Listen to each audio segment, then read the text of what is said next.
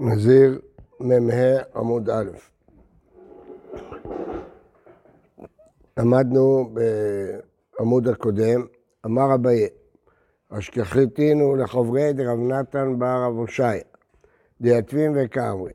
כתוב הפסוק הזה אצל זב, ובא לפני השם, אל פתח אוהל מועד, כתוב כי יטהר הזב מזובו. וספר לו שבעת ימים, וביום השמיני יביא שתי תורים או שני בני יונה, ובא לפני השם אל פתח אוהל מועד, ונתנם אל הכהן. כלומר, ביום השמיני, לאחר שטבל, לאחר שהריב שמשו, אז הוא נכנס אל אוהל מועד. ומתי הוא בא לפתח אוהל מועד? בזמן שהוא טבל ועשה ערב שמש. אין, לא טבל ועשה ערב שמש, לא. רואים שכל עוד לא הריב שמשו, הוא לא יכול להיכנס אל פת, פתח אוהל מועד. עלמא כסבה, טבול יום שזב, כזב דמי. כלומר, החברים של רבי נתן בר הושעיה אמרו שאנחנו רואים מכאן שטבול יום אסור להיכנס למחנה לוויה, למרות שהוא כבר טבל והוא טהור, אבל כיוון שעוד לא הריב שמשו, אז דינו כזב ואסור לו להיכנס למחנה לוויה.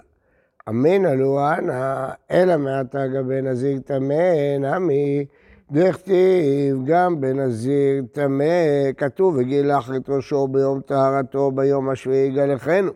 ואחר כך כתוב ביום השמיני יביא שני תורים. נגיד גם כן אותו דבר, דבר בפרלן, דמתי הוא בא בזמן שטבל ועשה ערב שמש, לפי הדיוק שלכם מהפסוק.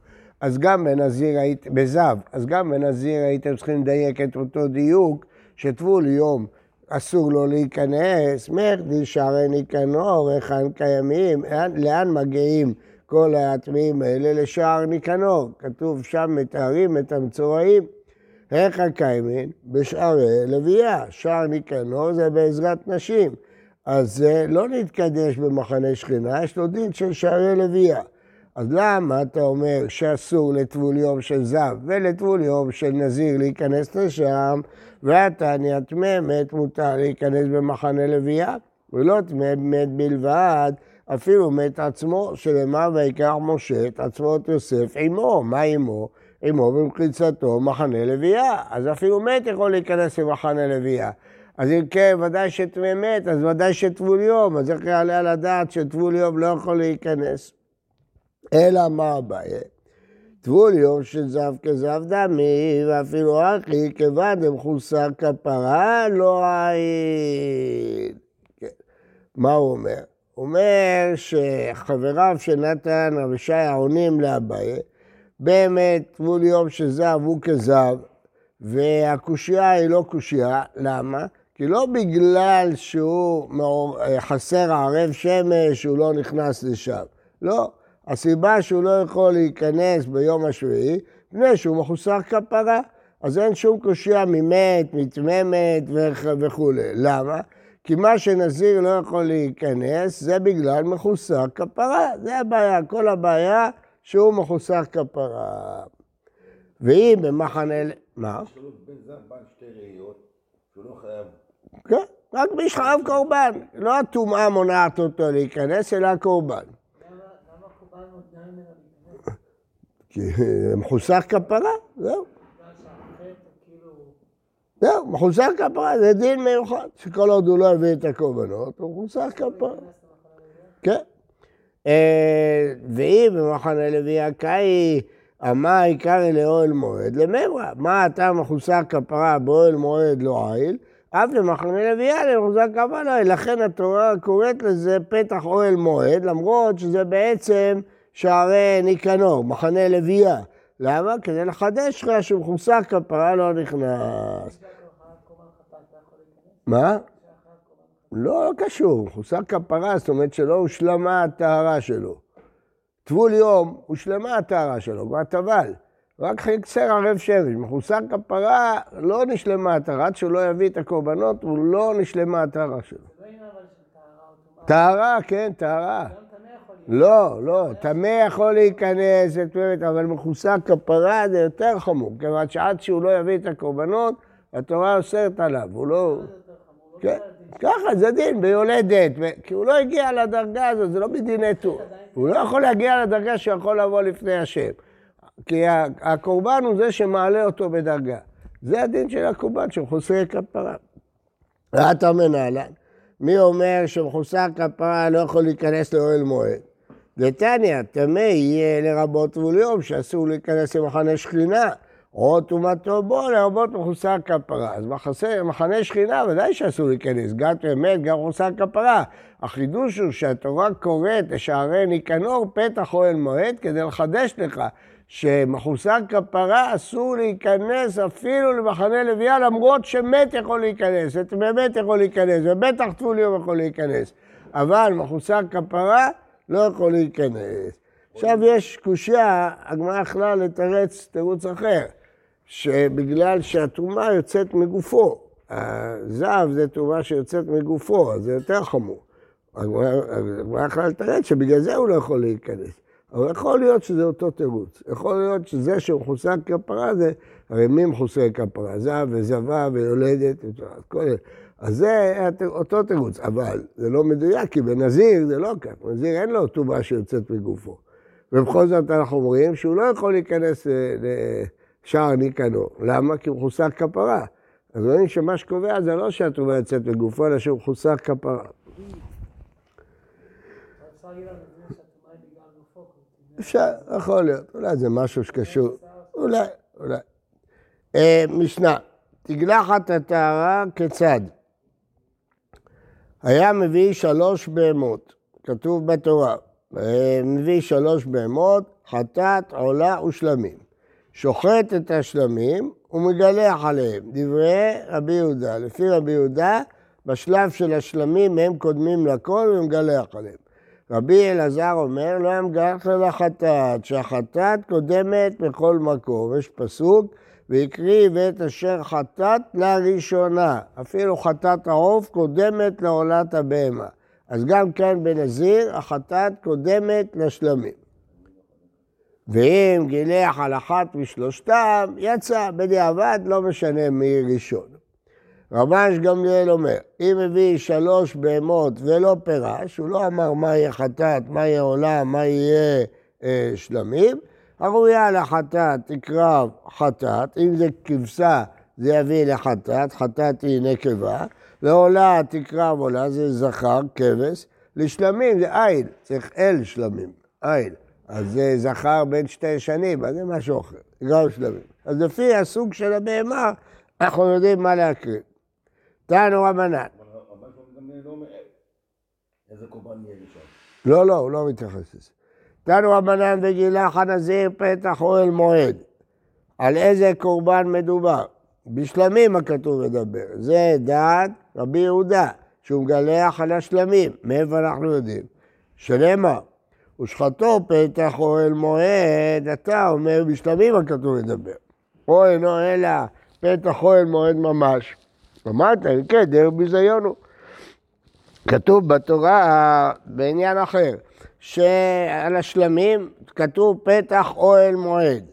אז רק פתח אוהל מועד טעון שלמים, למה? כי יש דין ששלמים לא שוחטים אותם לפני שנפתחו דלתות של היכל. כן, קודם היו פותחים, לא היה שוחט שוחט עד שומע כל שער גדול שנפתח. צריך להיות שהדלתות יהיו פתוחות בזמן הקורבן. לפני שפתחו את הדלתות אסור להקריב שלמים. מאיפה לומדים את זה? פתח אוהל מועד, שהפתח פתוח. אומרת הגמרא, מי אומר? אולי הכוונה שממש בפתח, בכניסה של אוהל מועד צריך לשחוט. אומר, זה לא הגיוני, זה ביזיון לשחוט שם קורבן. צריך לשחוט בחוץ, לא פתח אוהל מועד, רק... מה? מה ההוכחה שזה שלמים? כי רק בשלמים יש דין כזה שלא שוחטים לפני שהדלתות נפתחות. הדין הזה הוא דין בשלמים. שלמים ששחטם קודם פתיחת דלתות היכל, פסולים. מה, תמיד ששחר, מה? אחרי פתיחת השערים? תמיד של שחר? גם אחרי פתיחת שער. גם באחרי פתיחת. אה, אה, לא, אבל בשלמים הם פסולים. שלמים, שלמים הם פסולים, אם שחטת לפני פתיחת שערים. אין מצב שהקריבו את זה שזה סגור. למה?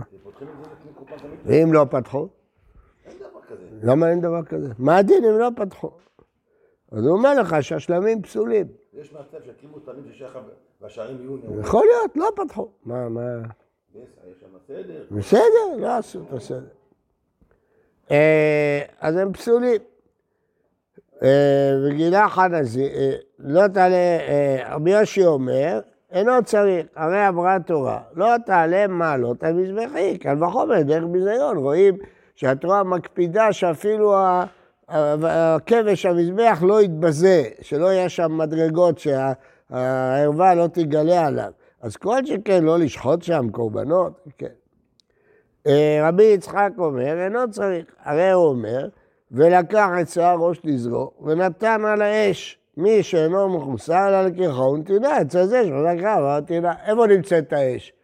איפה האש? בחוץ, בחצר. אז לא יכול להיות שהוא ישחט פתח אוהל מועד, ואחר כך ייקח את, את זה לחצר. צריך להיות מיד.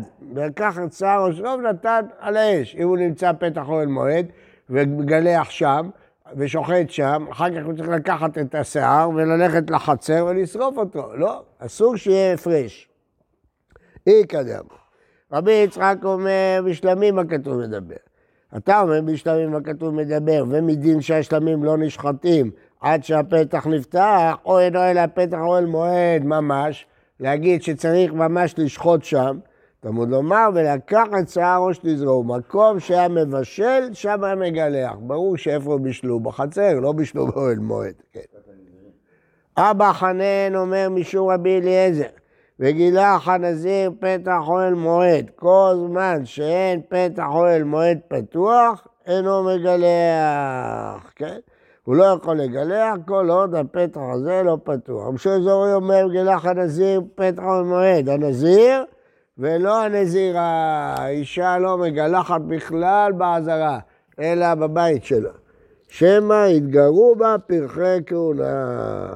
זה לא צנוע שהוא יגלח, היא תגלח איפה שיש כהנים צעירים, רואים את השיער שלה, זה לא, לא טוב. אמר לו, לדבריך סוטה תוכיח, דכתיב בה במידה לפני השם ולא חשינן שמא יתגרו בה פרחי כהונה. אמר להם, זו כוחלת ופוקסת, זו אינה כוחלת ופוקסת. סוטה, אז מנבלים אותה, הייתה לבושה לבנים, השחורים, מוציאים ממנה את התכשיטים, מנבלים אותה. אבל אז לכן לא התגרו בה. אבל זאת, הנזירה, היא כוחלת, פוקסת, היא מתאפרת, אז יכולים להתגרות בה, לכן תגלח בבית, בכלל לא בעזרה. לא שמעתי. לא? יש פחות, פחות בעיה. כיוון שלכתחילה צריך בבית המקדש, אז אה, פה לא גזרו, כי זה פחות, ודאי שאישה שהיא פחות מתייפה, זה פחות אה, מושכת, אז לא- פחות, פחות חששו שיתגרה בה. משנה, הגמרא אומרת שרבי עקיבא התיר לנידה לאכול ולפרוס שבעלה לא ימאס בה, אשתו. היה נוטל שיער, יש נשים שבשבילם בשבת זה קשה מאוד האיסור להתאפר ולזה מחפשים כל מיני דרכים. יש כאלה שקשה להם. משנה, היה... זה שמגלח את ראשו, הוא צריך לגלח את ראשו? לא, מה זה משנה, מישהו יגלח אותו, מה זה? היה נוטל שיער ראש נזרו ומשלח תחת הדוד. צריך לשרוף את זה תחת הדוד שמבשלים בו את השלמים. ואם גילח במדינה, לא היה משלח תחת הדוד. מותר לו, הוא לא חייב לגלח פתח אוהל מועד, יכול לגלח בבית. אבל אה, לא, אבל אם הוא גילח בבית, הוא לא משלח תחת הדוד. במה דברים אומרים? תגלח את הטהרה. תגלח את התאורה, בכלל לא היה משלח תחת הדוד. הדוד שמבשלים בו את העיל. אה, רבי מאיר אומר, הכל משלחים תחת הדוד, חוץ מהטמא במדינה בלבד, שיש לו שני חסרונות, הוא גם טמא וגם הוא גילח במדינה. אבל אם אין לו שני חסרונות, אז הוא כן משלח תחת הדוד, דוד של השלמים. מה? איך הוא התגלח מתחת הדוד? הוא לא מתגלח תחת הדוד, הוא שם את השיער שלו, שורף אותו תחת הדוד. כן, לא? ליד הדוד. תחת הדוד הוא מתגלח? ליד הדוד. נכון, אבל לא תחת הדוד. זה מה שהוא שאל, עניתי לו. אה, גמרא, נוטל שיער ראשו, תנו רבנן, ואחר כך נוטל את הרוטב, כן, ונותן על שר ראש נזרו, ומשלח תחת הדוד של שלמים. צריך לקחת מהמרק הזה שהתבשל שם בדוד, כן, מרק, זה רוטב. לשים על השיער, ואז לשלח תחת הדוד. שזה יגאה כאילו קורבן. הרעיון הוא שהנזיר הקדיש את עצמו להשם. אבל אי אפשר גוף של בן אדם להקדיש להשם, אז אומרים, השיער זה במקום הגוף, כי השיער הוא חיצוני. מצד אחד הוא בגוף, מצד שני הוא לא חלק מהגוף. אז השיער הוא נהיה קורבן. את השיער הנזיר מקריב להשם. למה מי שמתגלח בבת שלו לא יביא את זה הדוד? הוא לא עשה את זה במקדש, זה לא קיבל קדושה. פה במקדש, בסדר, אז זה דרגות בקדושה, יש דרגות, הוא עשה את זה במקדש, עשה את זה בחוץ. עשה את זה במקדש, אז עכשיו זה יש לזה קדושה, שם על זה את הרוטב של הקורבן, אז זה נהיה דין של קורבן כביכול.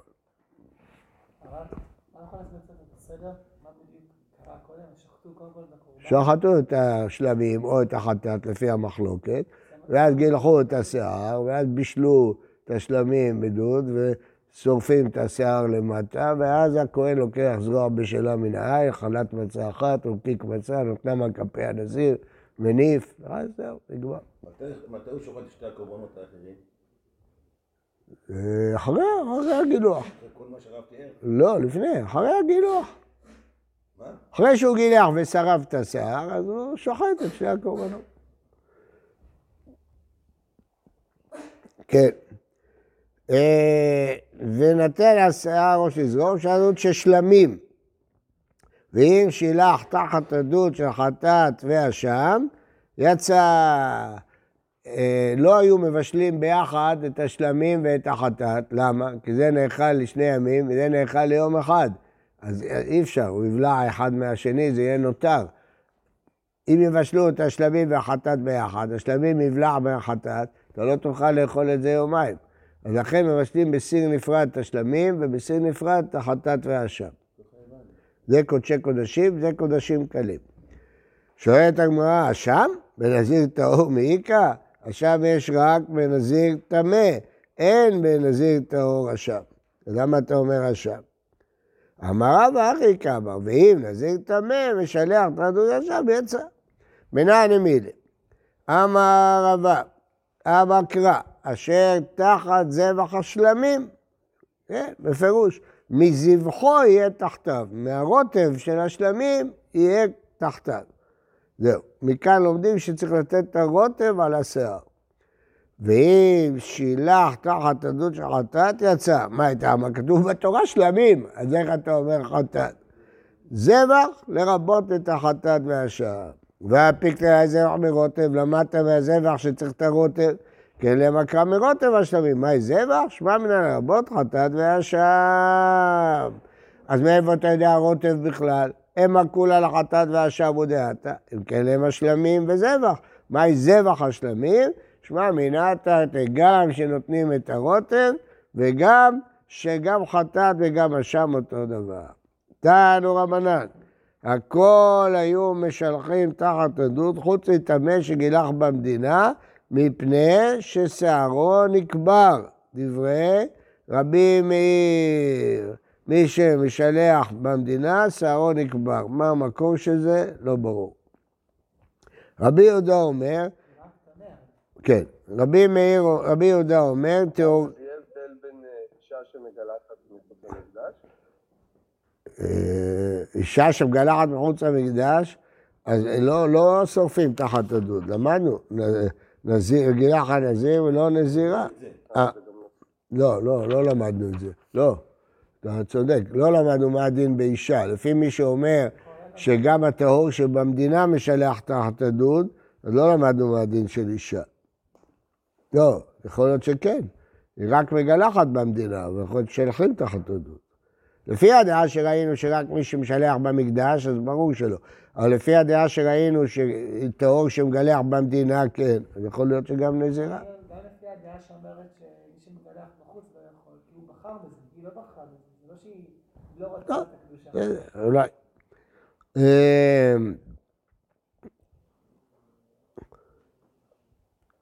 טמאים כאן וכאן לא היו משלחים. חכמים אומרים, הכל לא היו משלחים תחת הדוד, חוץ מטהור שבמקדש, פני שנעשה כמצוותו.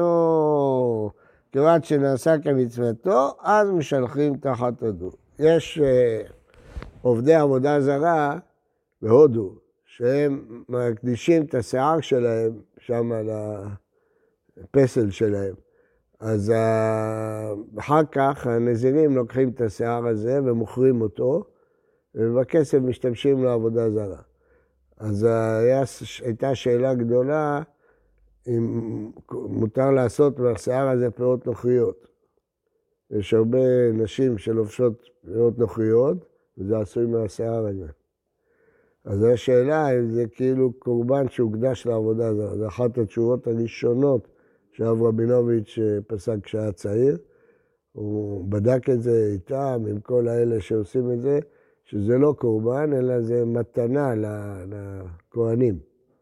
הנשים היו מגדלות שיער יפה, ארוך, גוזרות אותו, מביאות אותו שם בהודו לפסל, והכמרים היו מוכרים אותו, מוכרים אותו. רוב הפירות הנוכריות שאתם רואים בבני ברק וזה, זה מהשיער הזה.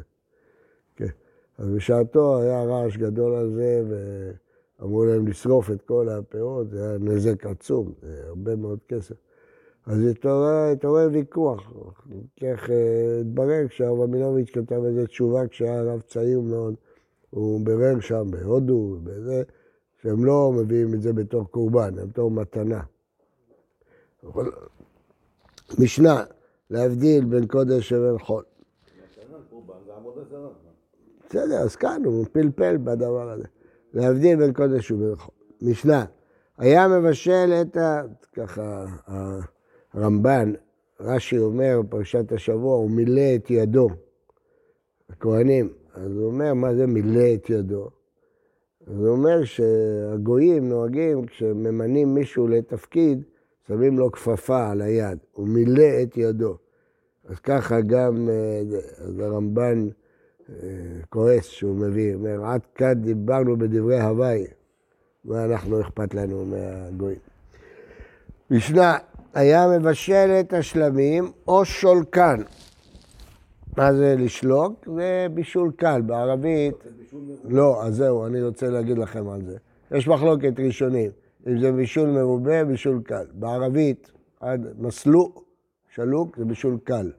כשאתה רוצה לבשל ירקות במים, זה נקרא לשלוק. אחר כך אתה רוצה לבשל, אתה שם תבלינים בבשר, וזה נקרא לבשל. בערבית, מסלו. אבל אתה צודק, שיש, לא, יש, גם במפרשי התורה יש מחלוקת, כן, מה זה שלוק, כן. הכהן נוטה זרוע בשלה, אבל רש"י, תראה פה אומר, שלוק שאינו מבושל יפה. זה מחלוקת. אה, הכהן נותן... כן, בטח. מה זה לשלוק? כמו שאתה מבשל, אתה מחדרה ירקות במים. אותו דבר, אתה שולק אותו. הכהן נוטל את הזרוע בשלה, כתוב, בשלה, מן העין. חלת מצה אחת מן הסל, וקיק מצה אחד, ונותן על כפי הנזיר ומניפה. זהו, זה גמרנו. אחר כך מותר הנזיר לשתות יין ולהיטמא למתים. בשלב הזה. רבי שמעון אומר, הרבה לפני זה כבר מותר, כיוון שנזרק עליו אחד מהדמים, הותר הנזיר לשתות ביין ולהיטמא במתים. לא צריך שיגמור את כל המעשים, אלא אחרי מעשה אחד, נזרק עליו אחד מהדמים, מספיק. נכון? מה? לפני. זה. תלוי, משהו שחט ראשון, זהו. אחרי הנפה הוא מגלח את שערו? לפני. מאיפה אחר? מה, פה כבר הוא גילח מזמן, הוא שרף את השיער, מה אתה מדבר? הוא כבר שרף את השיער תחת הדוד. הוא בישל, איך הוא בישל? בטח, הוא שרף את השיער, גמר את הכל. לא, הוא קודם מגלח, ושוחט, וזה, ואז הוא שולח. אבל זה לוקח הרבה זמן, אמרת, עד ש... לא. מה פתאום? מגלח אחרי קורבן השלמים שמביא. מביא, אבל הוא לא, לא בישל עוד. מספיק שרק מביא. הוא שוחט ומזה, ואחר כך הוא מבשל. מתי מתגלח? לפני, הוא צריך לשים את הגילוח בתוך האש. אין לי בעיה שזה לא יש לו לקט, תוך כדי הבישול. אחרי שזה כבר התבשל, אז, אז הוא שם את השיער. אחרי השחיטה מתגלח? מה? אחרי השחיטה של הקורבן. למדנו, בעמוד הקודם. למדנו, משלח תחת, שוחט את החטאת או את השלמים, מחלוקת תנאים, ואז הוא מגלח. ואז הוא מדליק את הדוד, שם את השיער. מתגלח. בוודאי, בין השחיטה לבישול, בוודאי. בוודאי. לא. אבל. נראה בגמרא, אולי תדבר על זה. טוב, בוקר טוב ובריא לכולם. תודה רבה. טוב, תודה רבה. בוקר טוב.